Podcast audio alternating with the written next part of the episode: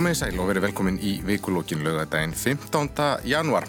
Fyrsti mánuður ásins hálnaður, hvorki minna. Gesti mínir í dag eru þau Ingi-Björg Dögg Kjartansdóttir, rittstjóri Stundarinnar sem fekk öflugan liðsöka í vikunni.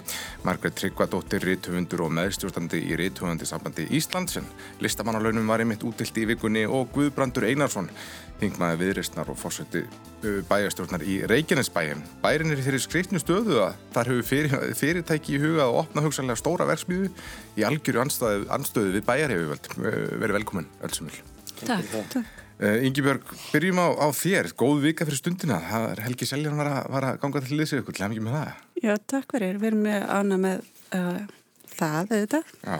Og eitna, hérna, hann kemur inn sem rannsóknarýtstöri og hefur það hlutverk að hérna, leiða rannsóknarvinni og einnig hérna, senna henni á stundinni sem stiður algjörlega við okkar kjarnar hlutverk mm -hmm. sem er að veita aðhald og senna rannsóknarblæði með sko og líka bara eitna, það sem að endspeglar það sem hann hefur verið að gera síðust árum.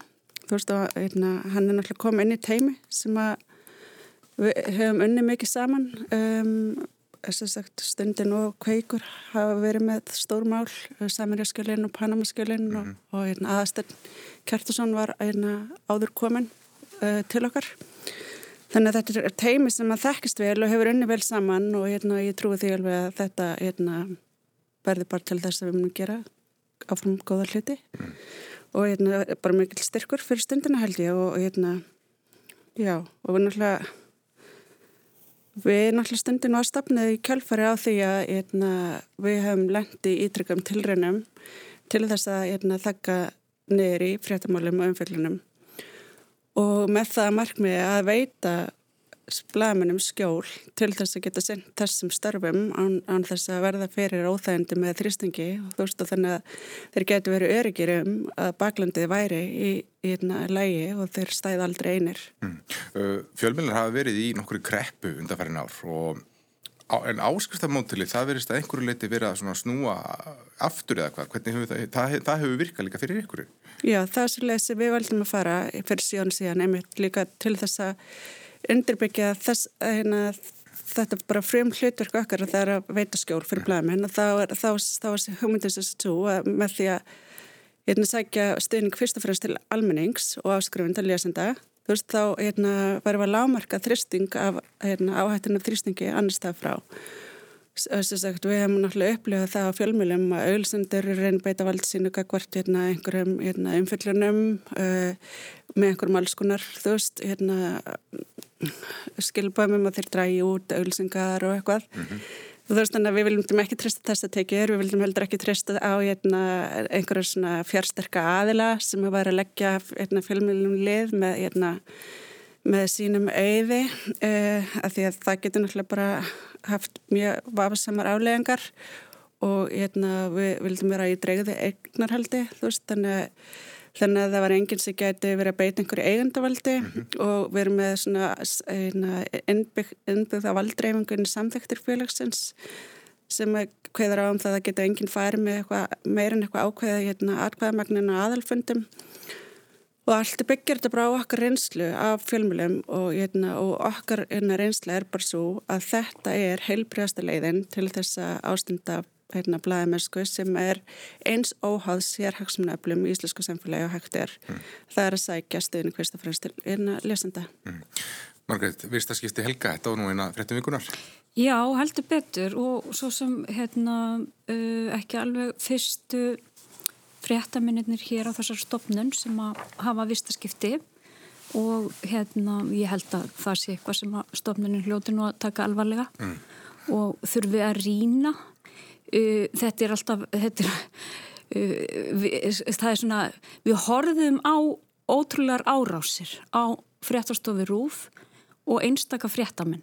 Og ég held þetta sé einstakt, ég veit ekki svo sem á Íslandi. En allavega virtistofnunum ekki verið undir það búin. Og ég held að það þurfa að rína ferla og hvað var gert, það er rosalega auðvilt að vera vitur eftir á. Mm. Og ég held að kannski það hefði þurft fjörugt ímyndunarafl til þess að búast við svona árásum mm. uh, einhverja sem eru viðfang frétta En þetta gerðist og við horfum á þetta og verðum vittnað þessu og það hefur verið greint frá þessu. Ég held að efist engin um það nema kannski eitthvað fólk á Norrlandi. En þetta þarf að rína hvað hérna uh, viðbröðstofnunar kannski voru þau í lægi, ég veit það ekki. Uh, en hérna og stuðningur við starfsfólk. Mm. Guðbrandur, hvernig líst þér á þessi viðstarskipti? Sko það er auðvitað bara fengur fyrir stundin að fá helga til þessu sig. Mm. Alveg svo að var fengur fyrir Rúfa Hafan hérna.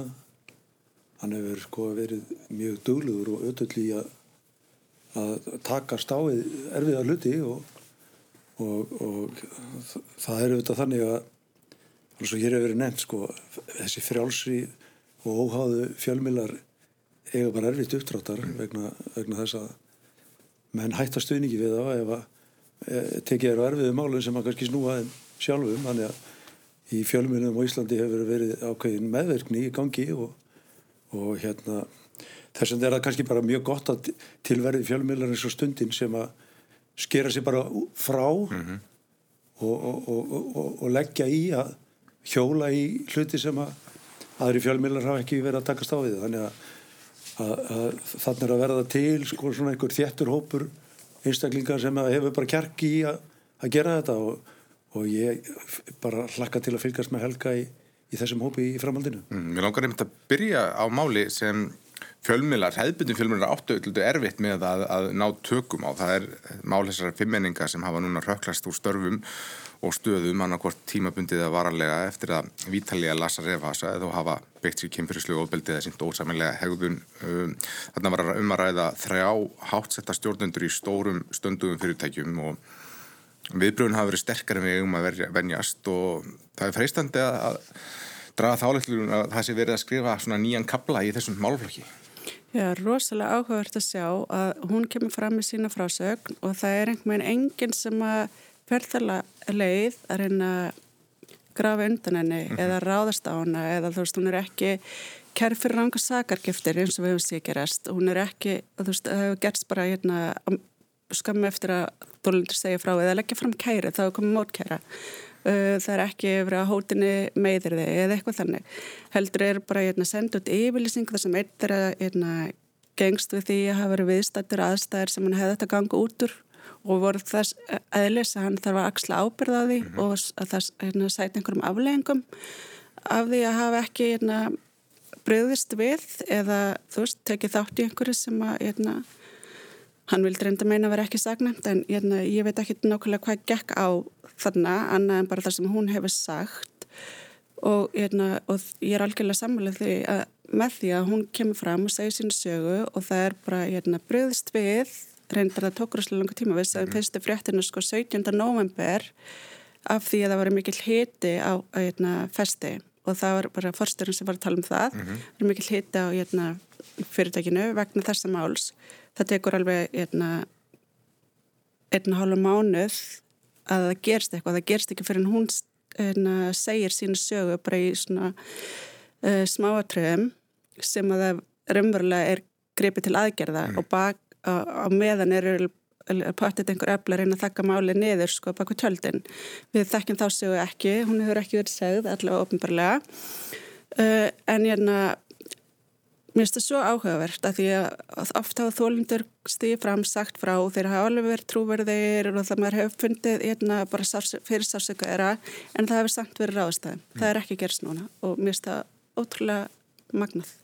Margretti Já, það er einmitt það sem að sko eru stóru tíðindin og líka bara að þetta eru ekkit, þetta eru sérstaklega valdamikli menn að það sé ekki farið einmitt í að kæra á móti og, og bara berjast til síðasta blóðdröpa eins og við erum búin að sjá svo oft. Og ég horfði nú á þetta viðtal ettu við Vítalju og það, það sem var svo eng, eða sérstakt við það var að það Uh, hún hérna mér fannst hún einleg í því sem var að segja og uh, hún var alltaf líka maður sá hún er líka efast um sig og sínu stöðu en þeirra samtala fannst mér ofsalega fallett og eitthvað neginn hérna mér fannst hún bara ná svolítið ótrúlega fallega frá henni. Uh, en það er náttúrulega bara ótrúlega tímar. Og svo vitum við að það kemur alltaf eitthvað bakslag í svona. Mm. þannig að hérna þetta er alltaf svolítið fram og tilbaka en mér fannst þetta alveg stórst bara ótrúlega stórstökk og ég er alveg vissum að fyrir einu, tveimur árum hefði þetta farið allt, allt öðruvis það er bara svo margt búið að breytast og einhvern veginn kemur þetta alltaf í einhverjum svona vakstakipum mm. Guðbröndur, hvernig, hvernig horfur þetta málið þér? Já Sko talandum eins og meðvirkni sem að manni finnst vera til staðar í, í, í samfélaginu okkar og bara í samskiptum fólks, bara almennt og yfirleitt, sko, þá, þá er þetta ákveðin vendibúntur mm. í þessu máli. En þessi þróun er auðvitað búin að eiga sér sko langan aðdraganda og við erum búin að lifa við sko þöggun svo lengi bara. Ég er alveg vissum að mæður okkar eða það hefur sagt frá eða ömmur okkar en það er bara gerðu það ekki það er, þauðu bara þunnu ljóði og um þessa luti var ekki talað mm -hmm. en svo erum við bara að sjá þessa þróun í MeToo-bildingunni ekki bara hér heldur út um allan heim að það er bara að vera að breyta þessum valdastruktúra að við kallmi getum ekki tagað okkur eins og, eins og svín þegar okkur listir og, og það er bara þetta er auðvitað þetta er, þetta er erfitt fyrst mér. Mm. ég finnst erfitt að upplifa þetta. Sjá fyrir unga stráka sem er að æfa fókbalt að sjá bara stjórnundar okkar rinja á stallinum. Þannig að þetta er auðvitað held ég fyrir marga kallminn erfitt að upplifa þetta. En þetta er bara einhver hrinsunaröldur sem við verum að fara í gegnum og takast á því bara mörkin og, samskiptin sem við erum að beita bara í samfélaginu okkar. Þannig að, að því lítunum til er þetta bara jákvæð þróun sem er á þessi stað og, og ég fagnaði við séum komin á þessi stað. Að fylgja þessu erfiðleikar, að fylgja þessu fórnir en við verðum betra, betri og eftir. Mm. um, Í farabróti í þessari bara svona líki hlutverki hafa verið aktivistar sem hafa notað samfélagsmiðla eða podcast eins og Edda Falag og Solborg, dóttir Guðbrand sem er með síðuna fávittar og þess að það um, þetta vegur kannski aðtekla á takmörkunum hefðbunduna fjölmiðla til að taka svona málum og fólk eins og Edda sem er með sitt podcast hefur, já, hefur hún ákveðið forskott fram yfir miðlins og stundina eða rúf? Ég er endur ekki sko samlega þessi fórskott eh, sem að aktivistarnir geta leift sér er að þeir geta náttúrulega sett fram upplýsingar sem við hefðum þurft að sannreina mm -hmm. uh, og ég hef hérna, ég sá einmitt að það var umræðið einmitt að núni vikunni, þú veist hvort að það væri hérna löstur að fjölmjölar væri ekki takast einhlega við svona frásögnum að byrta en ég hef alltaf litsa því nú er ég búin að vera að segja þetta sögur í 15 ár og hérna, segja sögur sagt, hérna, þeirra sem hafa lendi í ábyldi og hérna, jafnvel líka beitt ábyldi og svona. En hérna, vera fjallum þennan máluflokk og ég hef alltaf litið á það sem styrk fyrir viðmælindur að það hérna, frásögn þeirra sé undirbyggð með öllum mögulegum leiðum af því að þeir, það standar sterkar fyrir þegar frásögnin kemur út. Mm. Og, hérna, og maður vill ekki að einhver einhver sé að stíga svona fram uh, stíga fram með svona erfiða reynslu og sýt einhvern veginn hérna, laskaðar eftir það. Þannig að þú vilt að við komum til standi sterkur fyrir að það sé ekki hægt að skjóta umfyllinu niðum eða frásagnast niðum með neinum hætti. Og þess vegna hef ég til dæmis bara litið á það sem sko stuðning við þetta fólk að maður sé að ringja í fólki í kringum það, að maður sé að leita fleiri heimilda, að maður sé að kalla eftir gögnum sem, þar sem þau eru til að það sé hérna, verið að sannreina allt sem hægt er sannreina. Mm. Þannig að ég held að hérna, þetta hlutverk fjölmjölega megi ekki mannmeta og alls ekki fyrir þólendur hérna, kemfyrsabildis sem er að segja frá einhverju hérna, erfiðar reynslu. Að því að það er sko, hérna, jú kannski það er leitt að mæta bara podcast að segja bara frá og það sé engin vinna lögð neitt meiri í það, þú bara get komið sagt henni sögu og gengi frá því að það bara búið. En ef að, þú veist, segjum bara ef að þeir hefði breyðist öðru svið, mm -hmm. ef þeir hefði farið í þessa harkalegu aðferði sem við hefum verið að sjá að er beitt að þólundi bara markvist og endalust, þá hefði hann staðið mikið veikar fyrir eftir það. Þú veist, þá er ekki búið að mynda en að varnarskjöldurinn kringum hana sem er verið að gera með þessari vinnu. Þannig að ég held að hérna, líka bara og þetta með að gefa fólki færa svara, þú veist, eða þetta hérna, koma fram með ásakanir að hendur einhverjum einstaklingum að þeir fá tækifar til svara. Veist, en auðvitað, auðvitað er það náttúrulega bara þannig við búum í umhverfi, lagalega umhverfi sem að gera það verkum að fjölmjölar hafa þetta hlutverk og við verðum að sinna þessum hérna, hefbundnu vinnubröðum, þú veist að það er við veitum að fólki tekja fara að koma ansvar og sannreina allt sem hægt er að segja og allt þetta, þú veist þannig fjölmjölar getur náttúrulega ekki að skripa allt sem er byrkt á samfélagsmiðlum og bara setja út sko. Mm. En já, það er kannski þessi áhættu þáttur um að viðmælunni séu berskjaldæri eftir þetta en Vítalíða sagði nú sjálf á samfélagsmiðlum það hafði enginn á að talaði með fyrir en etta ábúin að því Það voru margir búin að reyna Já. Það voru margir búin að reyna að þú veist að komið fram í umræðum núna að mikið fjölmjöl fólki hafi verið samband við hana og búið hana að tala. Þannig að ég held að hún hafi ekki hérna, það hafi ekki skort tækifærin til þess. En þetta eru svolítið nýju tímar líka í bara miðlun.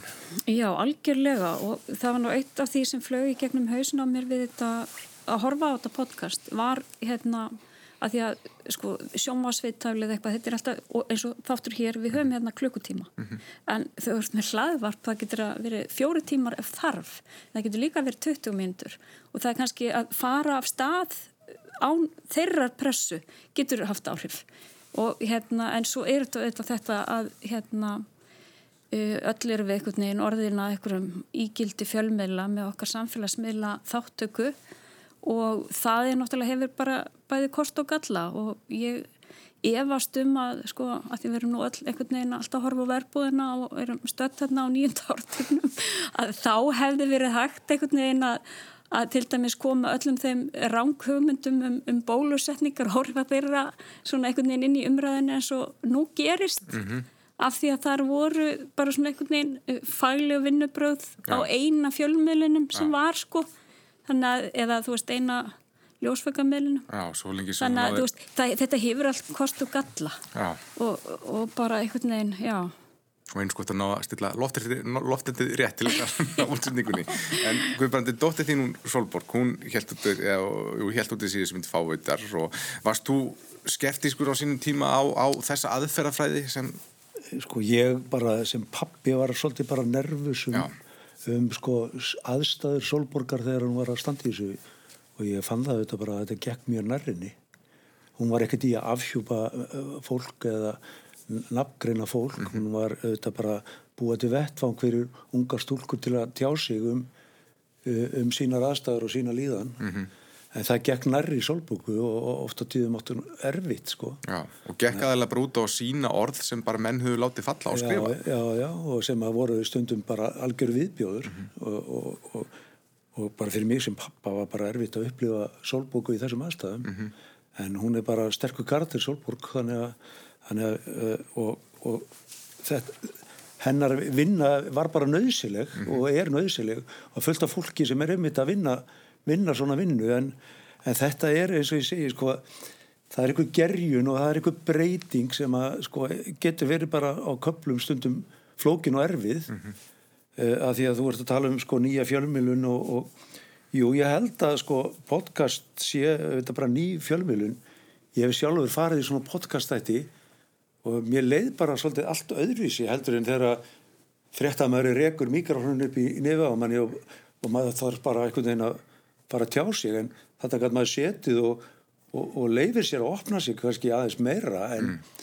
þetta mál sem að sko hérna umræðir er auðvitað eitthvað sem er búið að hafa ákveðin aðdraganda það er búið að, ég vissi það ekki sjálfur en eftir, eftir sem að ég, ég kynni mér þetta mál þá er þetta búið að standa yfir í nokkra mánuði mm -hmm. þannig að núna er þetta, núna vorum við kannski tilbúin til þess að takast á það og þeir sem að þarna voru í, í þessu hlutverkum þeir voru kannski búin átt að sjá því við verðum að gera bót í málunu og, tak, og, og bara bera ábyrði í þessu mm. um, Mér nokkur að fara yfir í aðeins aðra salma, það er til Reykjanesbæjar. Það vakti aðtekli vikunni Guðbrandur að hafa satt frá því að eigundur Kísilversins PCC á Bakka og Húsavík hafi áhuga á að kaupa verksmiðun í Helguvík mm -hmm. og, skrifað, og hafa skrifað undir vilja í villisku við eigandan Arjónbanka um það en það verist verið lítil sem engin vilji innan bæjastjórnarinnar að fá þessa starfsemi í bæin að því að bara fenginni reynslu að ekki þetta, mikil óþægindi fyrir íbúa þess að hvernig kemur þessi stað upp? Rifja það eins fyrir okkur? Sko þegar að Vestmiðarni sett í gang 2016 uh, þá var það bara gert svona einhvern veginn með vinstri hendinni það var allt í ruggli uh, og ákveðin svík í gangi að það og við verðum bara strax fyrir miklu áreiti af vesmiðinni mm. Helsu íbúa var bara ógnað bara strax með alls konar hlutin sem átt þessi staðana og þetta, þetta stóði ekki lengi yfir að því að við vorum bara mjög hörði að, að mótmála þessu og, og, og krefjast þess að yfirvöld gripi inn í málið og, og sem umhverjastofnum geði svo 2017 og loka vesmiðinni e, þá er búið að fjárfesta sko fyrir miljardar sko 20 miljardar e, og ímsir aðilar sko sita uppi núna með sárt ennið mm -hmm. eftir að þessi vesmiða fór á hausinn. E, ég held að IAF hafi tapað miljardi á þessu og sveitafélagi tapaði nokkur hundru miljónum fyrir rautar allar vantan hagna sem að menn teltur sig eiga í, í, í höfninni sko, í inn- og útflutningi og þannig að það er fullt af fólki sem skadaðist verulega á þessu ævindýri en uh, það er, var bara þannig að bankin var með veð í þessu mm -hmm. og, og, og yfirtók þetta bara, þetta dóttir í alls saman sko og frá þeim tíma hefur bankin verið að skoða möguleika á enduræsingu vesmiðinni stopnar sjálfur dótturfélag sem að menn hafi verið að kalla Staksberg e, til þess að svona halda þessu svolítið frá bankanum og, en, en sko og þetta dótturfélag fer strax í að óskæftir mati á umhverfisárum sem að skipulstofnun er búin að vera að vinna í.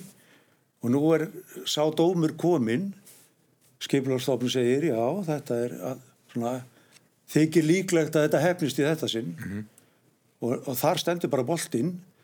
Á, á þessum tíma er ímislegt búið að eiga sér stað. Bæði sko, bakki var, var náttúrulega búin að loka.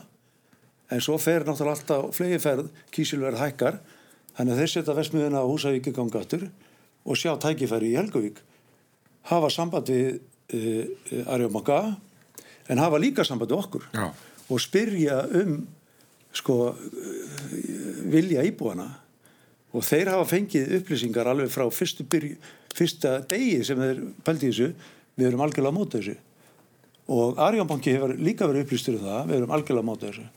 Þráttur í það þá gera þeir undirritaður þessa viljaðurvísku og ég hef það eftir þeim fullrúa sem að var á fundinum fyrir okkar hönd. Hann fullir er að, að, að fórstjóri bakka hafi sagt ef að samfélagið er á mótu þess að komum við ekki. Og ég ætla bara að vona það að hann standi við þau orð. Mm. en, en maður veit svo sem ekki hvað mann gerir í business. En eh, ég veit ekki hvað, hversu miklu þjóstnaskap þessir aðeinar alltaf beita samfélagið okkar en við munum standa í lappirnar og, gera allt sem við getum til að stoppa þetta um, En er staðan þá virkilega svo að hér er bara fyrirtæki sem get, gæti strángli tekið bara að opna verksmiðju í Reykjanesbæ í óþökk bæjareyfuvalda og íbúa? Uh, sko, svona starfsemi verður ekki til bara á einu degi, sko, heldur hafði þetta langan aðdrand að þau þurfti alls konar leifi, umhverjastofninga leifi, sko. það var gerð fjárfestingasamningur á melli United Silicon og Ríkisins og sveitafélagin gáði afslætti og alls konar, alls konar svona hluti sem að þannig að og svo fá þeir sko starfslefi til 20 ára mm -hmm. fram í tíman ja. og það starfslefi lífir þrátt fyrir alla þessa ammarka og þeir, þeir geta í raun sett vesmiðin í gang ef að öllum skilurum er fullnægt en þeim er bara alls ekkit fullnægt og umhverfstofnun sagði þegar þeir loka vesminni það verður að breyta byggingunum til þess að þið fáið að opna aftur og, og mér er sagt að þeir þurfa að eigða svona 5-6 miljardum í að laga vesmiðuna mm. og, og áður en að þeir geta ítt á takkan og setja hann í gang ja. Sjóðu, að, og það gerist á einum, tveimur, þreimur árum sér. það er ekkert að fara að gerast á morgun mm. En væri þá hægt að væru bæjar auðvöldu ofin fyrir því að það væri sagt, herru, við erum til í að ráðast í þar lagfæringar sem það þarf að gera og það ætti ekki að vera neitt ónaði að verksmiðinu, eru þá til í að endur skoða þetta? Nei. Bara nei? Nei, nei. Sko fjárasleir hagsmunni sveitasfélagar sem skipta yngumóli í, mm. í þessu heldur helsa íbúana og ég var nú ekki góður í efnafræði í gamla dag í skóla en ég ákvað þegar ég sá þessa grein sem að byrtist á kjarnanum þá fór ég aðeins að skoða þetta sko, þegar við skoðum þessi efni sem að koma út úr þessari vesmiðu mm. þá eru þau bara baneitrið og stór hættuleg enda sko þeir voru alltaf að reyna að segja við okkur það er ykkur, það er ykkur lykt sem fylgir þessu sem áttur reyndar ekkert að fylgja ja.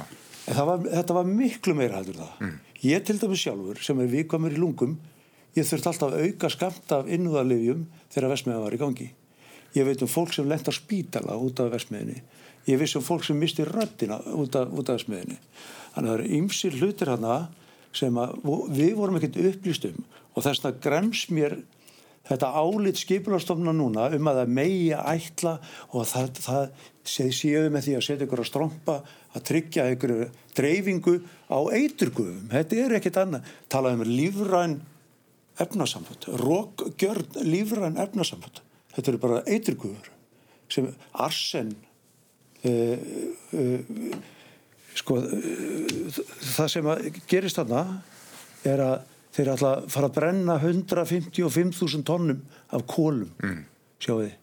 Og þetta bara á að spúa þessi við sveitafélag sem stendur í hvað? Kílometra fjallað frá þeim. Og þetta verður ekkert liðið. Þessi tilröðin var gerð þarna á þessum díma og hún mistast og menn verða bara að viðkjöna að þessi tilröðin hún gengur ekki nálat samfélagum þetta verður að vera eitthvað starf ef þetta á að ganga mm.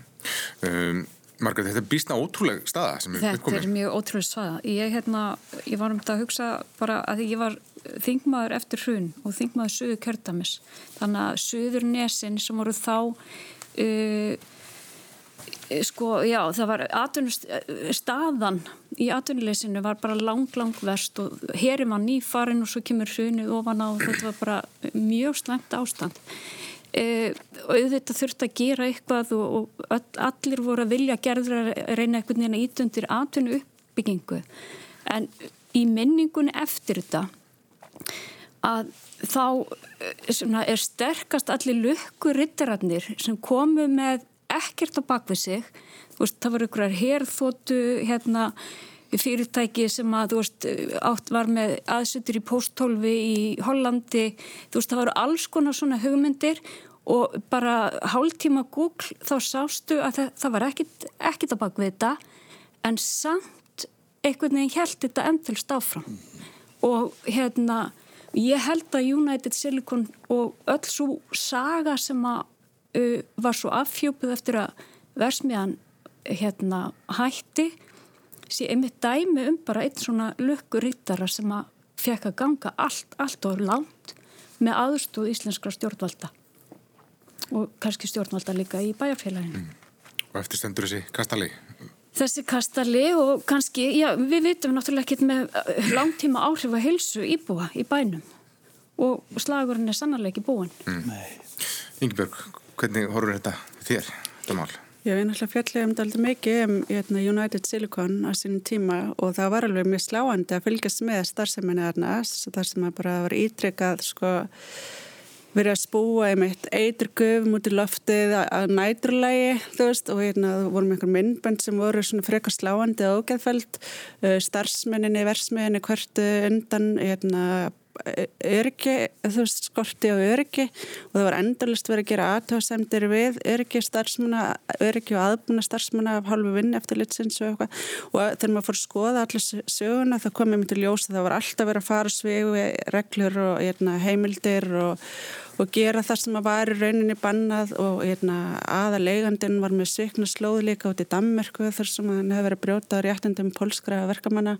Það var einhvern veginn allt í tengslu við þessi versmið sem var bara svona daldið óþægilegt og ljótt og bara í skil svo vel. Ég man eftir líka bara ótrúlega hérna, mörgum samtölum sem blamaður átti við íbúa sem voru kvart undan enginnum og helsefarsbresti og, og hérna, þetta var allt svo ótrúlegt og maður, þetta var svona eiginlega svona eins og í bíamind. Þannig ég skil svo ótrúlega vel að þið vilja ekki fá þetta aftur og og, hérna, og þú veist það er náttúrulega líka bara stoltið svona óhegnulegt núna var lögð fram þingsálektuna til að í vetur þú veist þar sem að var að vera óskeftir rannsókn og því af hverju nýgengi krabba meina er meira á suðunisinum heldur en annars þar í Íslandi og hvort að hérna, mengun hafi haft áhrif þar á. Uh, og þú veist, þannig ég skil það mjög vel að íbúar þarna vilja ekkert með þetta hafa og þú veist, þetta náttúrulega snerti samt ekki bara þetta samfélagi, það er líka verið greint frá því fréttum að losin í Íslands muni aukast um 10%, nei 10% ef að hérna, þessi versmi verið sett eftir stað, þannig að þú veist, þetta er líka bara spurningum það stefni sem við viljum taka sem samfélag bara í helsinni Veist, þetta er ekki bara spurninga samfélagi að stöðuna sem er 11% af heldar losun ja. Íslands Og auglúslega ekki tekið ákvörðun sem er tekin að neittni léttu í ljósi þessa atun ástandið á söðunni sem hefur ekki batnað til þessi kórnofarlaninu Nei, nei, nei. Sko við getum búið til atvinnu úr hverjum sem við, við getum sett upp vopnaframlislu eða, eða hasfabriku en við ætlum bara ekki að gera það. Mm -hmm. séfjöldslega er það ránt sko. Þannig að við, við gerum ekki hvað sem er til að ná okkur í pening því að við viljum ekki bara búa til þannig samfélag, við viljum heilbils samfélag og, og, og heilsa íbúina skiptir þar sko verulegu máli að, og við leggjum bara ofur áherslu á það eh, en, en sko það að, að skipilastofnun hafi lokið sinni vinnu þýðir ekki það að þeir séu konum með leifið umhverjastofnun á þetta fjallumálið og manni fannst þegar ég las kjarnan í gæðir mm. og við tala við eitthvað fulltrúa frá Arjónbanka það sem að sagði sko þetta er bara viljaði viljýsing viljaði viljýsing hún er ekki hinn endarlega niðurstað mm. þannig að það er hægt að fara frá þessu og ég vil bara höfða til þessar, þessara grænu gilda Arjónbanka sem þeir eru að setja fram bara ef þú ferðið með flugstöð að mynda lóu og, og, og, og að fallet allt saman sko. þessi grænu gildi Arjónbanka sem eru að reyna að selja okkur og ímyndi sem eru að selja okkur um grænu skuldabrif og allt þetta mér langar líka bara að fara aftur fyrir Arjónbanka og höfða til þeirra sem eiga Arjónbanka sem eru að stæstu hluta lífriðsjóður Íslands mm. að menn axli ábyrði málinu og, og styðji við íbúana sem eiga lífeyrisjóðana og hafa búið það til. Standiði nú í lappinnar og standiði með þessu samfélagi og látið þetta ekki gerast. Ef þið voru að komað viðtækjanum þá verður það að hlusta á vikulokkin. Gæsti mínir eru Guðbrandur Einarsson, Ingi Björgdók Kjartansdóttir og Margret Tryggvadóttir. Uh, Margret, listavalunum, þeim var útlutaði vikunni og maður hefur síðan á samfélagsmeilum að margir eru kátir en svo sittja aðrir eftir með sástæmið. Fyrir nokkrum árum þá var það eiginlega árlegt brauð að á þessum tíma þá horfst söngurinn um, um hvort að það ætti nú að vera eða peningum í þetta og svo framvegins. En það virðist vera það er nú svolítið síðan það hætti bara og, og það hefur orðið viðhorsbreyting ekki samt. Svona ykkur leiti en það er samt, núna kom til dæmis hækkun á uh, hérna laununum. Mm. uh, það er svona ágætt líka að taka það fram þetta verktakagreisla þannig að 490 skall í verktakagreislu þetta er kannski eins og hvað, 350 Ég sló þessu inn í reiknivel BHM að þetta er svona eins og 350 krónar launagreisla og þetta er reiknað 67% starf að vera sérst listamæður mm -hmm. en það er gert ráð fyrir að listamenn hafi einhverjar aðra tekjur líka og það er, þetta er kannski svona þriðungurinn ég er svona 50% kátt í ári ég fekk svona 6 mánuði Já. þannig að hérna ég get dælt deilt í niður á mánuðina það verður eins og 175 krónur á í laun á mánuði Já. en þetta breytir samt öllu fyrir mig mm. og ég get bara einbytt mér að því að hérna uh, vera að skrifa og ég er með hérna þrjár bækur á í tölvinni mm. og í hausnum þessa dagana. Og hérna þannig að þær verða kannski til á þessu árið vonandi. Mm. allavega tværðira En maður hefur séð að það eru vissulega sumar óanægiratir og þær eru já. kannski innan stjættarinn eins og meðal Já, já, já Sverri Norrland sem er ungur ritthumfundur og hann bara er að kalla þetta eftir því að það veri sett aldurstakk á, á, á ritthundalögin og þeir sem svona kynstóta fyrir ofan, ofan sem eru hafa sannað sig og, ná, og náða að selja vel og þessu þar að þeir bara Já, ég held sko Sverrir veit það alveg ja, vel og ég og það er svona bara handfylli höfund á Íslandi sem að lifa af sölubóka. Mm. þannig að það þarf svolítið að taka þú út. En svo má alveg horfa á það að það getur alveg verið þannig að við ákveðum og það er gert stumstaðar annar staðar á Norrlandum ég er hérna að rannsaka styrtakerfi í bókmyndum en hérna þetta er nú svipaði litt í öllum listgreinum uh, á Norrlandunum og sumstaðar sagt, bara sækjur ekkit um fyrir en eða þú getur ekki sótt um eftirlorna aldrei mm. Þa, það er svona litið á þetta sem einhvers konar borgaralaun sem almann tryggingakerfið er líka ja. hérna náttúrulega eru með alls konar skerðingar sem að flækja þá stöðu Uh, hér á Íslandi eru engin aldurstakmörk. Í stjórn reytöfundarsambandsins hafðu við haft þá tilfinningu að það væri svona verið að trappa fólk niður. Já. Í fyrra skoðuðu við uh, svolítið markvist þá var elsti reytöfundur sem fekk 74 ára. Já.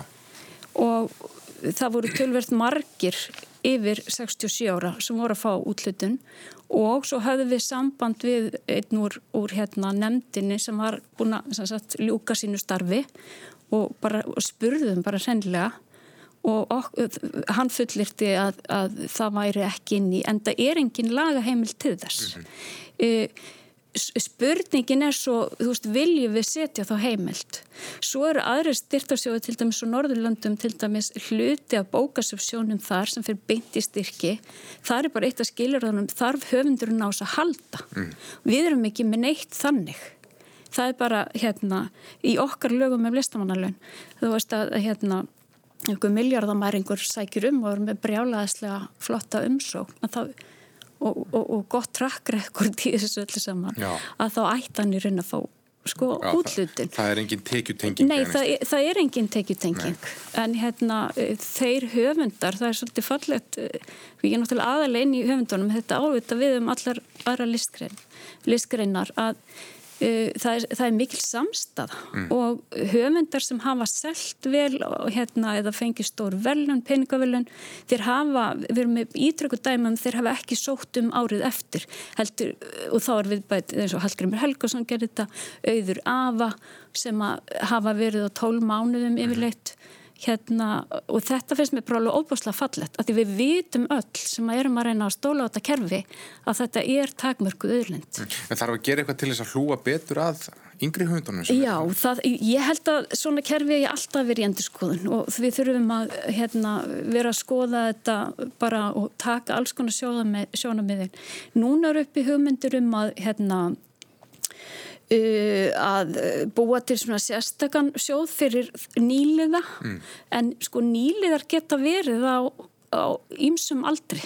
Veist, Þórtís Helgadóttir sem vegna hún 12 mánuði hún kom með sína fyrstu bók sko já, bara nálat 50 og var greindi frá því á samfélagsmiðlum í gæraða fyrardag uh, þannig að hérna, það er svolítið erfitt að aldurstengi þetta.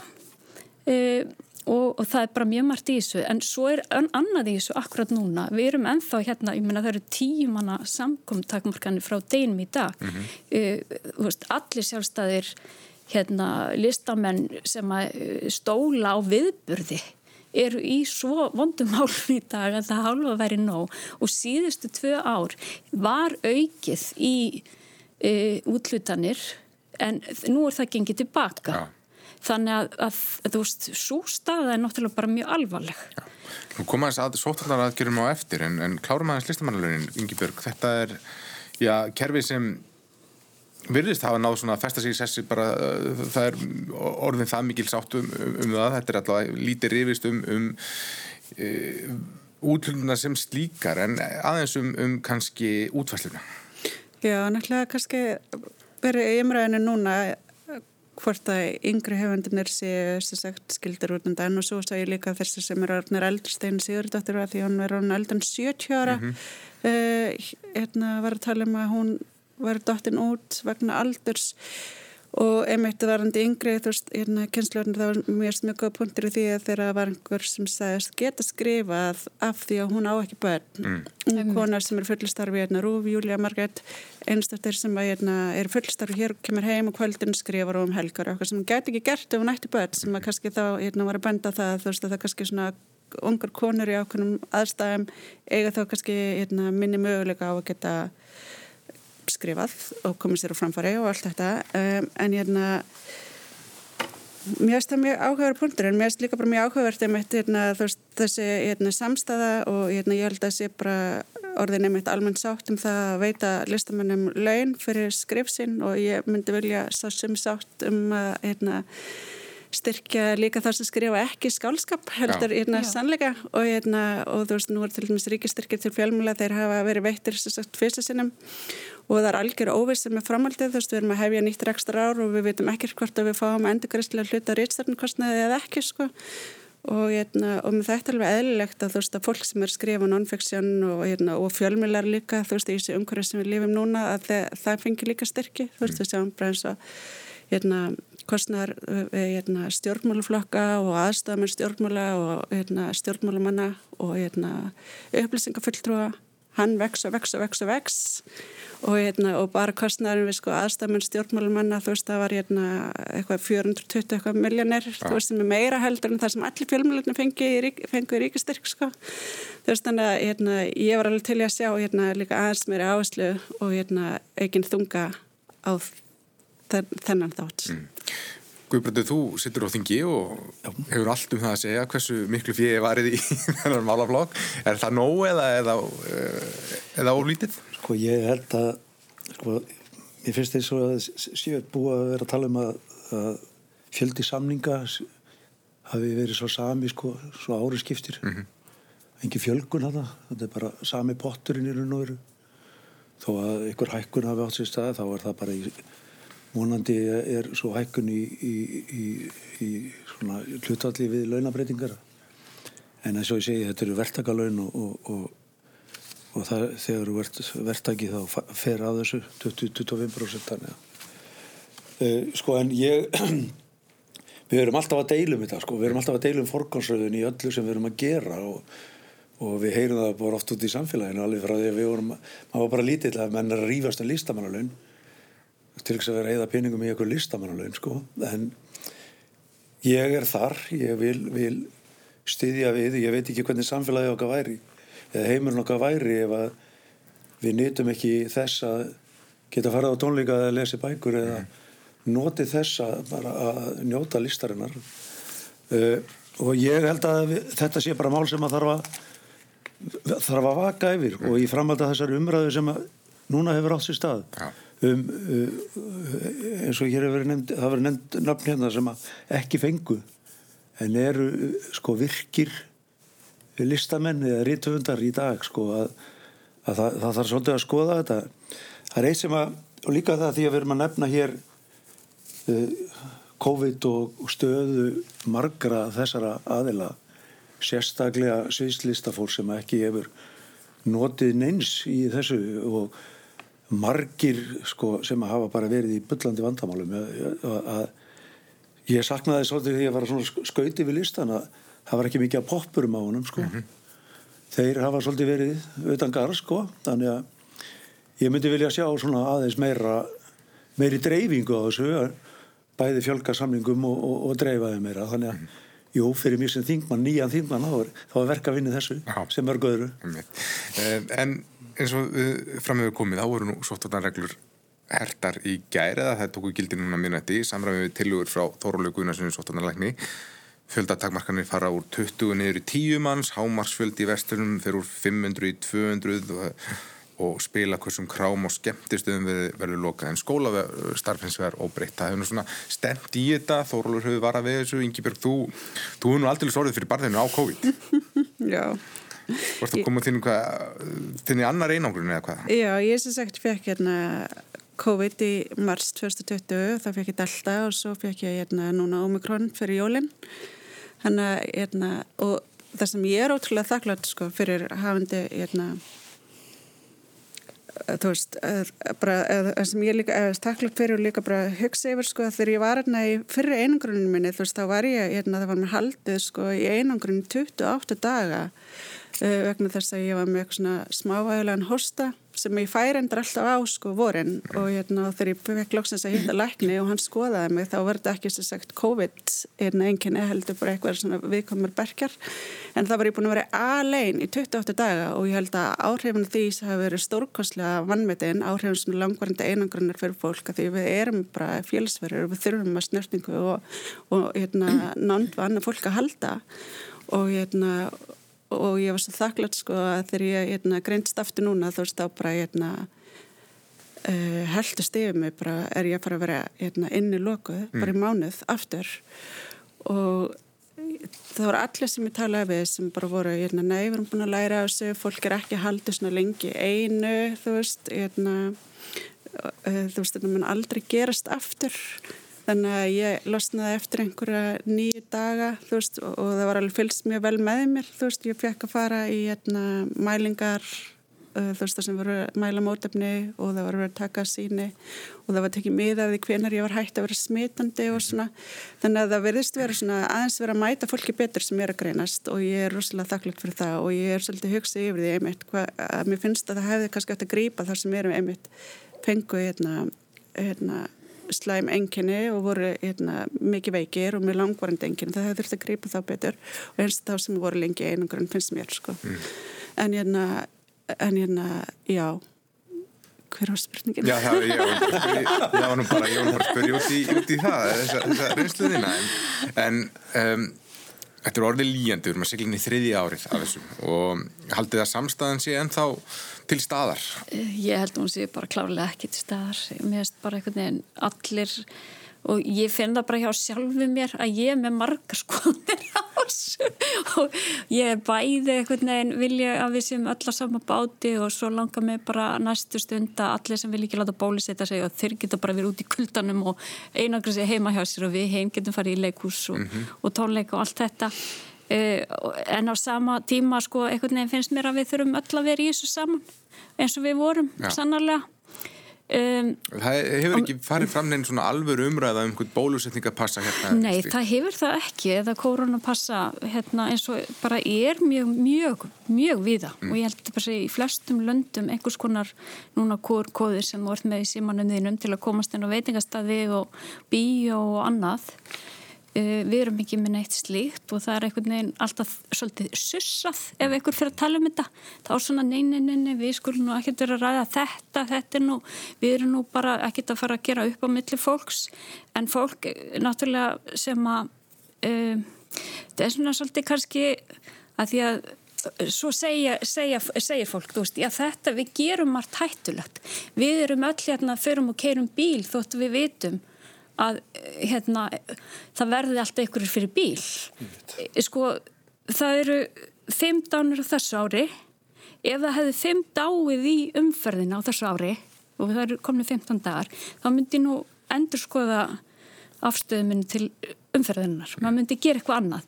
En þetta er kannski líka svolítið þannig að þú getur verið rosalega vel varin sjálfur í stórum jeppa og með loftpúða og bílbelti en að þú keirir á 150 þá ert að setja aðra í hættu og það er líka svolítið með COVID að við getum verið þrýbólisett fengið þetta, verið ekki með neynenginni en samt treft veirunni mm. þannig að þetta er, þetta er náttúrulega bara alveg ótrúlega erfið staða og mm. bara það eru svo mörg siðferðslegumál sem að einhvern veginn takast á þú veist, ég er eh, svona anarkist í eðli mínu og mér er svo andum frelsið en ég hef ekki frelsið til að leggja líf annara í hættu það er bara, það er bara solis Stjórnvöld það að farið fyrir mjög mildaleg til þess að fá fólk til að þykja bólusetningu og það hefur nú gengið uh, að mestumparti allavega fyrir fullorna það eru uh, yfirgnafendi meirfluti sem já, er, já, já. er bólusettur og nú, nú eru bólusetningar að hefjast á börnum og við til að sjá hvernig uh, þáttakan verður, verður þar. En þeir sem eru að leggjast inn það, það er að miklum það, það eru hlutvarslega sérstaklega mjög margir óbólusettir finnst þér að, að stjórnmálinu þingið þurft að fara að taka þetta til einhver umræðu eða er, er, er rétt að fara í staðin fyrir að gera það með valdbóðiðar en að hafa það bara til samansk fólks? Ég held að ég, sko, ég, ég, mér hugnar svo leið sem að hefur verið farin mm. sko, ég held að við Íslandíkar séum svona mestu leiti nokkuð skynsum þó, þó við getum sko greitt okkur að kalla í okkur ofta tíðum en, en við höfum nú svona reynd að fylgja þessu svona mestu leiti en, en auðvitað eru einhver sem að þær skallast við og vilja þetta ekki og maður einhvern veginn verður að virða það að því að talandu um frelsi ég held að fólk hafi þá bara frelsi til að hafna þessu en svo er það spurningin hefur þið frelsi til að smita næsta mann mm -hmm. og, og, og það hefur auðvitað verið að Mér finnst það sko það að horfa á elsta hópin okkar, veikasta fólk hópin okkar, verja mömmur okkar og pappa og svona það finnst mér að hafa hefnast ágætla mm. og, og, og, og við höfum verið svolítið bara tilbúin til þess að, að gera það. Ég á 92 ára gamla mömmu og hún er bara heima hjá sér þessa dagana og þannig verðum við svolítið bara að vinna þetta. En aftur á móti Uh, mér hefur kannski fundist þurfa að eiga sér stað meira samráð við frangvandavaldið og þá sem setja lögin í landinu. Upplýsingagjöfin þarf að vera meiri og umræðan kannski inn á þinginu þyrta eiga sér staði en hún er bara lítil sem engin. Mm. En, en nú er hann til hilbrísráður að hann gaf uh, einhvern ávinning um það að hann ætlaði sér að, í, að fara í meira samráð við þingið og viðreysn er þar að við munum ósk eftir því að það veri haft meira samráð við þingið til þess að við séum þá bara nokkuð saman um þetta. Stjórnmálinn hafa svolítið haldið sér bara til lés í öllu þessum veikindum sem hafa verið og leift sérfræðingunum að vinna þetta. En spurningin er sko hversu lengi það getur gengið talandum að afbreyðin sé að verða veikari mm -hmm. þannig að ég er nú sjálfur búin að fá ég er nú ekki alveg komið röndina þá en Nei. ég fekk sjálfur, við hrundum öll á einu bretti í við reist uh, og ég, mér hýst nú hugur að heyra að sko fólk hafi verið einangrun í 28 daga, ég var bara í 12 Já. og það döði mér ágætla að vera einna yfir jólin og þannig að ég óska yngu þess að sitja í einangrun svo vikun skiptir þannig að við verðum einhvern veginn að reyna að, og við, samtalið þarf að vera kannski svolítið dýbra og, og við þurfum að, við þurfum að trösta fleiri fyrir því. Þetta má bara ekki vera nýri ráðhörabústa. Mm -hmm. við, við verðum að hleypa fleirum að þessu. Eru þið vongóðum að þetta sé, uh, þessar aðgerðir eru til hvað annars februar, að við séum að sjá til, sjá fyrir endan á þessu, að, að ómikrón verði það veikt eins og menn vona að, að það geti farið yfir og, og, og við svona förum að komast aftur í eðlilegt horfa. Ég er ekkert því sem að ómikrón sé það veikt að við getum lift í lausu mm. kannski en kannski fyrir... næsta Já. Næsta afbreyði en ég líka sko meðan við erum með óbólusett fólk og svo er auðvitað allt fólk sem eru hérna, ónámisbærandi við livjum og annað sem er ekki að mynda sama mótefni og við hinn sem erum hraust og heilbreyð og það mun alltaf verði í hættu. Mm -hmm. og meðan að bara lífsættilega veira gengur. Það er bara svo les við viljum fara að komast á djamið áttur það er bara þannig. Það er náttúrulega ótrúlega góð tilfinning að geta farið í leikus núna í vetur og bara hérna, og ég man ég hugsaði sko, ég fór þrýstasinni með leikus á þessu tímabil sem á Rópið og ég hugsaði hvert að einskipti sem ég hérna, gekk út af leikusinu bara er leikus svona stórkastlegt er svona brjálaslega góða síningar sem eru verið að setja upp eða er ég bara svona glöð að fá að vera hérna? Að því upplifunum var svo mikil og sterk en ég held reyndar að það hafi verið mjög góða síningar líka. Já, en hérna ég kannski bæði, já ég, þú veist samblanda af báðu sko. En hérna En auðvitað þú veist, fólk eru þreytt og það er alveg skililegt og það er líka alveg skililegt að maður verður þreytt og það er alltaf verið grípa til aðgerða þú veist og hérna, meðal annars vegna þess að heilbríðiskerfi stendur ekki undir álæginu og þú veist, maður veldi fyrir sér af hverju er ekki verið að styrka heilbríðiskerfið, af hverju er ekki verið bara hækka laun þannig að fólk vilja vinna, hérna, að leysa, þú veist, hérna, takast á þess að manneklu, þú veist, verið aðeins reyna að horfa hérna, til framtíðar, hvað það var þar. Það er einmitt annað verkefni sem býður árinu, það eru fjölmarki kjærasamningarlausir og já, ef grunnskólakennarar mm. voru að slá tónin, þá stefnir nú kannski bara í taldi harða rimmu þar á þessu ári.